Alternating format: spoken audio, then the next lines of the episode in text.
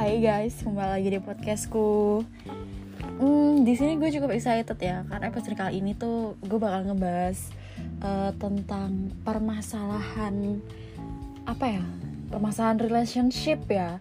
Tapi ini tuh pasti relate ke orang-orang juga, relate ke kalian, relate ke gue juga. Kalau permasalahan-permasalahan kayak gini tuh sebenarnya tuh udah nggak perlu dibahas lagi gitu, maksudnya nggak perlu diobrolin lagi gitu sama pasangan kayak yang udah ya udah. Tapi karena kita akan ngebahas ini jadi ya kita kulik dah tuh curhatan-curhatan orang-orang yang ada di Twitter. Sama mungkin gue juga akan selipin uh, curhatan gue juga. Karena kayak seru aja gitu ngebahas tentang ini dan setiap orang itu punya cerita yang berbeda-beda walaupun sebenarnya pada garis besar itu menyudut ke salah satu tema yang sama gitu. Jadi yaudah tanpa berlama-lama kita akan ngebahas aja deh. Kalian pasti penasaran kan gue mau bahas apa? Jadi kali ini gue tuh ngebahas tentang curhatan eh, orang-orang bahkan nanti gue juga akan cerita kalau uh, mantan atau pacar kita dulu itu kan gue sekarang jomblo ya jadi gue ngomongnya dulu. Itu sering banget kayak mempermasalahkan masa lalu kita gitu. Mesti gimana sih masa lalu apa sih? Ya tentang masa lalu mantan kita. Dulu kita ngapain aja sama mantan kita? Dulu kita udah ngelakuin apa aja? Kayak nggak penting banget buat ditanyain tapi tetap ditanyain. Tapi ketika kita udah jawab dengan jujur mereka malah marah. Mereka malah ngediemin silent treatment dan ngejauh kan aneh banget ya dia yang nanya dia yang kesel aneh Ya kan, pasti dari kalian pernah kan digituin sama mantan kalian atau pacar kalian, pasti ditanya-tanyain tentang mantan gitu, kayak ngapain? Yang udah ya udah gitu loh. Dan di sini gue ada beberapa curhatan orang-orang yang seputar seperti itu, tapi berbeda permasalahan ya, maksudnya berbeda cerita gitu. Oke, kita mulai aja dari curhatan yang pertama ya. Ini curhatan dari seorang cowok, wah tumben banget. Biasanya tuh yang kebanyakan curhat tuh cewek, tapi sekarang cowok nih, interesting. Oke, kita langsung baca ya curhatannya. Pacar gue baru aja mengaku kalau dia itu dulu sering HS sama mantannya, bahkan sampai 50 kali lebih. Dan saat pacaran dulu, setidaknya mereka tuh begituan seminggu sekali dan sering banget menginap dengan mantannya. Mereka dulu pacaran kurang lebih 4 tahunan lah, dan sekarang dia menyesal pernah berbuat kayak gitu. Sebetulnya gue juga gak suci-suci banget sih. Gue juga pernah kissing dan pernah dibejain juga tapi gue belum pernah HS sama sekali. Sebenarnya gue gak terlalu mempermasalahkan keperawanan, tapi dengan HS sebanyak itu sama mantannya, apakah hal seperti itu bisa dianggap sebagai wajar? Apakah akan berkurang nikmatnya kalau nantinya gue bakal HS sama dia? Dan apakah tidak bermasalah jika gue teruskan sampai kemarin nanti? Atau gue putuskan aja ya dia? Karena sampai saat ini gue tuh masih pacaran sama dia. Dan kita tuh udah kayak klop banget gitu loh. Sejauh ini gue dan dia juga merasa cocok. Cuma permasalahannya ya ada di masa lalunya dia itu. Gue harus gimana dong? Oke okay, jadi kayak gitu curhatannya. Um, gimana ya ya memang tidak bisa dibilang wajar juga ya. Gila dia HS 50 kali. Bahkan dia tahu dia berapa kali HS tuh dia hitung. Dan bahkan dia mengira-ngira kayak oh kayaknya udah 50 kali deh. What the hell? Gila sesering itu kah? Bener-bener sebetulnya itu adalah mengerikan juga ya. Hal yang mengerikan juga yang dia katakan ke lu gitu. Tapi elunya sendiri juga nanya-nanya sih. Atau lu nggak nanya? Atau dia yang tiba-tiba cerita soalnya ada dua tipe nih. Ada yang emang cowoknya nanya-nanya ada juga yang ceweknya emang kayak daripada gue pendem daripada gue ada aib atau rahasia karena gue udah cinta banget sama ini cowok ya udahlah gue ngakuin aja semua kesalahan gue di masa lalu. Ada juga yang kayak gitu. Tapi menurut gue nih buat kalian yang lagi ada di permasalahan kayak gini ya menurut gue itu tuh udahlah apa yang menjadi masa lalu kita itu tuh udah nggak perlu diungkit-ungkit lagi nggak perlu dibahas lagi. Sekalipun kita cinta banget sama seseorang ya kalau emang dia cinta banget dia nggak akan mempermasalahkan masa lalu lo. Dan lo juga kayak nggak perlu gitu loh mengungkap aib aib lo di zaman dulu. Kayak buat apa? Dia juga udah nggak peduli kalau emang dia beneran sayang sama lo. Tapi kalau dia nggak sayang sama lo dan kayak hanya berkedok sayang biasa dan hanya rasa penasaran aja yang ada di pikiran dia pasti dia kayak ngotot ke lo lu pernah ngapain aja aib aib lo apa aja di zaman dulu? Gue harus tahu. Gue mesti tahu. Karena gue sekarang lagi sama lo. Nah itu udah kelihatan banget kalau dia nggak sayang. Kalau dia tuh mempermasalahkan apa yang sebetulnya udah terjadi dan nggak bisa dihapus lagi nggak bisa diperbaiki lagi gitu. Karena yang bisa diperbaiki ya masa depan. Masa depan kita nanti bukan yang belakang belakang dibahas terus juga nggak akan ada manfaatnya. Kayak rugi gitu loh. Buang-buang waktu dan akhirnya membuat perpecahan dan kita jadi renggang dan bahkan bisa putus. Kayak ngapain cari penyakit gitu loh. Dan kalau emang iya kalau emang uh, pacar kamu itu udah melakukan kesalahan terus melakukan hilaf tapi sekarang dia sudah berubah dia udah menjadi lebih baik ya apa salahnya kita terima dia yang sekarang? Apa salahnya? Daripada kita bahas-bahas dia yang lalu dia malah makin kepikiran dan bisa jadi akan kayak melakukan hal itu lagi. Karena lu ingatin terus karena lu bahas terus ya udah kita terima aja lah masa lalunya yang buruk atau apa. Toh juga kita pasti diterima sama dia tentang masa lalu kita. Semua orang tuh pasti punya masa lalu gitu. Anjir gue kayak menggurui banget ya. Sebenarnya nggak nggak pengen menggurui cuman gue kayak ngasih ungkapan apa yang ada di otak gue aja. Karena nggak seharusnya kayak gitu gitu loh. Oke kita lanjut ke curhatan berikutnya ya ini curhatannya dari cewek nih Wah akhirnya soalnya biasanya tuh curhatan kayak gini tuh kebanyakan dari cewek ya oke kita langsung bacain ya cowok aku pernah HS sama mantannya, sedangkan aku belum pernah sama sekali. Dan dari sebelum PDKT, aku juga udah tahu sih tentang hal itu. Dan aku terima aja dia kayak begitu dan gak terlalu mempermasalahkan. Tapi entah kenapa, makin ke sini, waktu kita jalan udah setengah tahun, aku makin gak bisa terima gitu loh kalau dia udah pernah HS sama mantannya. Kayak aku tuh jadi kepikiran suatu saat nanti first time pas dia udah sama aku ya udah kayak udah nggak ada yang spesial gitu loh karena dia dulu udah pernah. Kita kayak nggak bisa belajar bareng-bareng lagi karena dia udah lebih ngerti. Aku iri banget first time dia sama mantannya. Bayangin gimana mereka dulu belajar bareng dan lain-lain. Aku tahu aku harus berdamai sama masa lalunya tapi kayak susah banget. Kebayang terus di otakku. Jadi aku harus gimana ya? Oke itu sih curhatannya. Dan ini ini apa ya? Ini keren sih. Maksudnya maksudnya kayak bukan keren gimana ya tapi pemikirannya tuh bagus. Kayak biasanya orang kan iya benar mema memaafkan masa lalu seseorang. Tapi kayak how about me yang memaafkan? Apakah itu cukup memaafkan dia tapi kita juga harus merugi karena dia udah melakukan kesalahan di masa lalunya yang tentu saja ada pengaruhnya dengan masa depannya bersama kita gitu. Karena dia udah pernah jadi dia kayak ya udah nothing special aja waktu sama kita. Jadi ya benar kata mbaknya kayak jadi udah nggak belajar bareng-bareng gitu loh. Padahal sebenarnya yang bikin seru waktu first time itu adalah ya belajar bareng-barengnya itu. Sama-sama nggak ngerti sama-sama innocent nggak tahu harus gimana. Itu yang bikin bumbu-bumbu seru gitu. Maksudnya bumbu-bumbu pengalaman gitu untuk ke depannya. Tapi ya gimana gitu. Karena dia dulunya udah pernah jadi kayak nggak ada yang spesial. Terus dia juga udah tahu step-stepnya gimana. Tinggal lanjut aja. Padahal di sisi lain kita tuh juga pengen tahu sama-sama belajar sama-sama ingin tahu cari tahu bareng-bareng. Tapi menurutku gimana ya sama aja dong. Kita nggak memaafkan dia setulus itu. Ya walau bagaimanapun walaupun dia dulunya udah pernah dan kita nggak bisa belajar bareng-bareng tapi kalau dari awal kita memang niat memaafkan dia dengan tulus kita nggak akan mikir ini sih efeknya nantinya gimana sih kayak ya udah aku niat memaafkan kamu.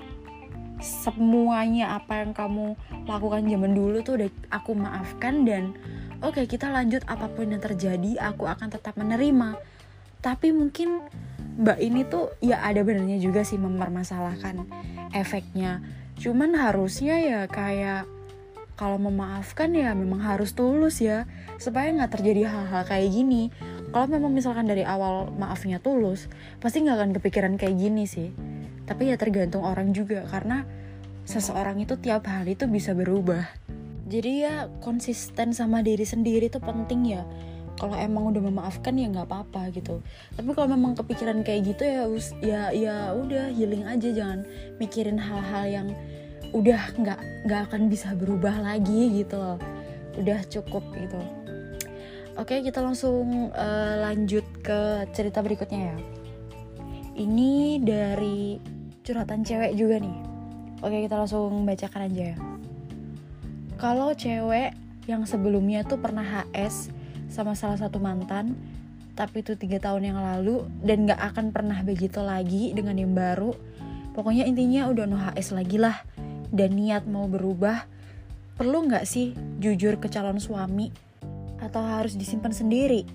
Karena gue udah gak ngulangin itu lagi. Ya sebenarnya ini ceritanya sama yang kayak tadi ya. Ini lebih ke insecure gitu loh. Karena biasanya cowok kalau nggak dikasih tahu duluan itu biasanya menganggap kita ini tuh menipu terus membohongi atau apalah itu. Tapi dari awal kita harus tahu dulu tipe pasangan kita kayak gimana. Misalkan tipe pasangan kita itu tipe yang emang dia menerima semuanya tentang kita, masa lalunya kita dia terima dan lain-lain ya it's okay kita untuk terbuka atau cerita gitu. Dengan konteks kita sama-sama memaafkan ya. Tapi kalau tipe pasangan kita itu yang agresif, pemarah, terus posesif, ya lebih sangat baik sih nggak usah dikasih tahu ya.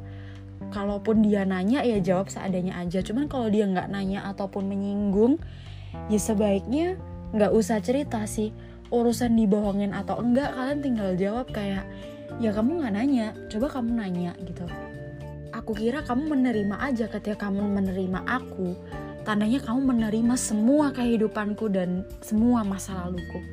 Ya jawab aja kayak gitu. Karena ya itu ada ada dua tipe cowok yang emang satunya bisa buat mengerti satunya nggak bisa buat mengerti. Jadi buat yang nggak bisa mengerti ini lebih baik kayak ya nggak usah diceritain aja ngapain diceritain? Walaupun memang udah jadi calon suami ya entah konteks itu nanti jadi bohong atau enggak ya namanya masa lalu ngapain harus bohong? Kalau memang dia pengen kita uh, deep talk tentang masa lalu, membahas tentang masa lalu ya terbuka aja, kenapa enggak gitu. Lagian juga udah mau jadi suami kan harusnya. Kalau udah mau jadi suami itu tuh udah harus bisa menerima kita seada-adanya deh. Dari keluarga teman-teman masa lalu dan lain-lain tuh harus bisa menerima seada-adanya. Orang pacaran aja udah harus menerima masa lalu kita apalagi suami ya kan harus menerima semua dunia kita. Jadi ya kayak no worry lah kalau mau cerita atau enggak ya itu tergantung pasangan aja sih. Jadi buat kalian yang ada terjebak di kasus kayak gini juga ya solusi dari gue kurang lebih kayak gitu sih. Daripada nanti jadi beban atau jadi batu untuk hubungan kan mending kita pikirkan dulu kan gimana problem solvingnya. Jadi ya kayak gitu sih. Ya lumayan ya ceritanya kayak uh, kita jadi bisa tahu gitu kita harus cerita atau enggak kita tuh jadi tahu gimana caranya menghadapi hal-hal kayak gini. Oke next kita masuk ke cerita selanjutnya ya. Ini dari cewek juga sepertinya ya. Kayaknya sih cewek sih. Oke kita langsung baca aja ceritanya ya biar nggak penasaran. Ada nggak yang ngerasa sampai sekarang itu masih ada kayak ikatan gitu sama orang yang milikin first HS kalian Padahal hubungan kalian tuh udah putus lama banget. Dan kalian juga udah beberapa kali ganti pasangan. Tapi ya tetap aja kepikiran sama orang yang milikin first HS kalian itu. Dan kayak selalu ada waktu buat kangen gitu loh sama dia. Kayak ya ada ikatan lah intinya walaupun kita tuh udah lama gak berhubungan sama sekali. Itu kenapa ya kalau boleh tahu? ya itu ceritanya guys tapi ini sebenarnya uh, true ya dan relate banget nih ya sama gue dan bahkan orang-orang sekitar gue. Jadi beberapa teman cewek gue itu juga pernah cerita kalau emang orang yang udah dia serahkan keperawanannya itu tuh pasti bakal tetap ada tempat di hati mereka atau di kenangan mereka tuh buat nyimpen orang ini. Karena ya gimana enggak karena pengalaman itu adalah pengalaman sekali seumur hidup dan nggak bisa diulangi lagi. Jadi kita pasti kebayang-bayang gitu uh, siapa sosoknya siapa orangnya. Dan bahkan teman-teman gue juga bilang kayak ya sometimes gue kangen sih. Sometimes gue juga kayak mikir waktu dulu pertama kali sama dia tuh kayak gimana. Jadi mau gimana pun mau udah putus atau lost kontak gimana pun gue tetap ingat mukanya gue tetap ingat siapa dia dan rasanya gimana. Dia benar-benar cerita kayak gitu teman gue anjir serius deh. Dan kalau dia bilang bisa di sama cowok-cowoknya yang saat ini yang first time itu emang lebih kacau sih lebih lebih kacau serunya gitu loh. Jadi ya pasti akan tetap selalu diingat dan akan tetap milikin kayak ras ada ikatan gitu loh ada rasa ikatan yang tersembunyi gitu loh. Ya kayak gitu sih. Dan mbak ini juga merasakan hal yang sama. Jadi kayak itu hal yang wajar nggak sih buat semua orang? Atau enggak ya? Karena gue juga pernah ngerasa kayak gitu sih. Tapi beda konteks ya bukan HS dan nggak semuanya tentang HS sih. Bahkan lo first time gandengan tangan itu juga bisa jadi memori yang memorable banget gitu. Jadi kita nggak gampang lupa dan kita tuh selalu kepikiran gitu kayak anjir dulu dia tuh gandeng tangan gue dan tuh pertama kalinya gue digandeng sama cowok. Nah itu kan bisa aja. Jadi tetap kita tuh ngerasa masih ada punya ikatan gitu sama orang itu gitu yang pertama gandeng kita. Jadi konteksnya tuh nggak cuman yang kayak gitu-gitu doang jadi semua hal yang memorable yang pertama kali kita lakukan yang dilakukan seseorang untuk kita udah pasti kita tuh di dalam hati kita tuh memiliki kayak pintu atau ruangan tersendiri gitu loh buat orang tersebut masuki. Jadi ya menurutku itu wajar-wajar aja sih asal kita nggak terlalu memikirkannya ya karena kayak buat apa masa lalu kok diingat-ingat lagi masa lalu kenapa dikulik-kulik lagi apalagi sampai nyari orangnya ngechat orangnya wah itu udah nggak banget sih lebih baik ya itu udah disimpan dalam hati aja sebagai kenangan yang memorable walaupun kenangan orang beda-beda ya kalau mbak ini kan kenangannya first HS ya kalau gue kan kenangannya pertama kali dipegang tangan dan lain-lain dan teman-teman gue juga first HS jadi kayak ya emang yang namanya first time itu pasti sangat memorable entah uh, pengalamannya atau bahkan orangnya juga memorable gitu. Oke kita langsung masuk ke curhatan terakhir ya. Tapi curhatan kali ini tuh gue udah ngeliat kalau emang yang cari gara-gara itu ya ceweknya sendiri. Emang ceweknya yang nanya-nanya. Cari penyakit emang bener-bener deh. Udah kita langsung bacain aja ceritanya. Jadi aku tuh nanya ke mantanku, dia pernah ngelakuin apa aja sama mantannya itu. Terus mantan aku jawab, iya, aku dulu tuh pernah ngelakuin hal yang gak-enggak sama mantan aku. Aku tuh mau berubah, makanya sekarang juga aku tuh belajar agama. Dan di sini aku tuh ngerasa kayak lebih terjaga gitu. Tapi suatu saat nanti, kamu siap nggak kalau taunya aku minta hal-hal kayak gitu ke kamu? Kan takutnya aku bisa aja kayak gitu lagi. Nah, kayak gitu sih dia bilangnya. Dan aku tuh bingung sama konsepnya dia tuh gimana sih?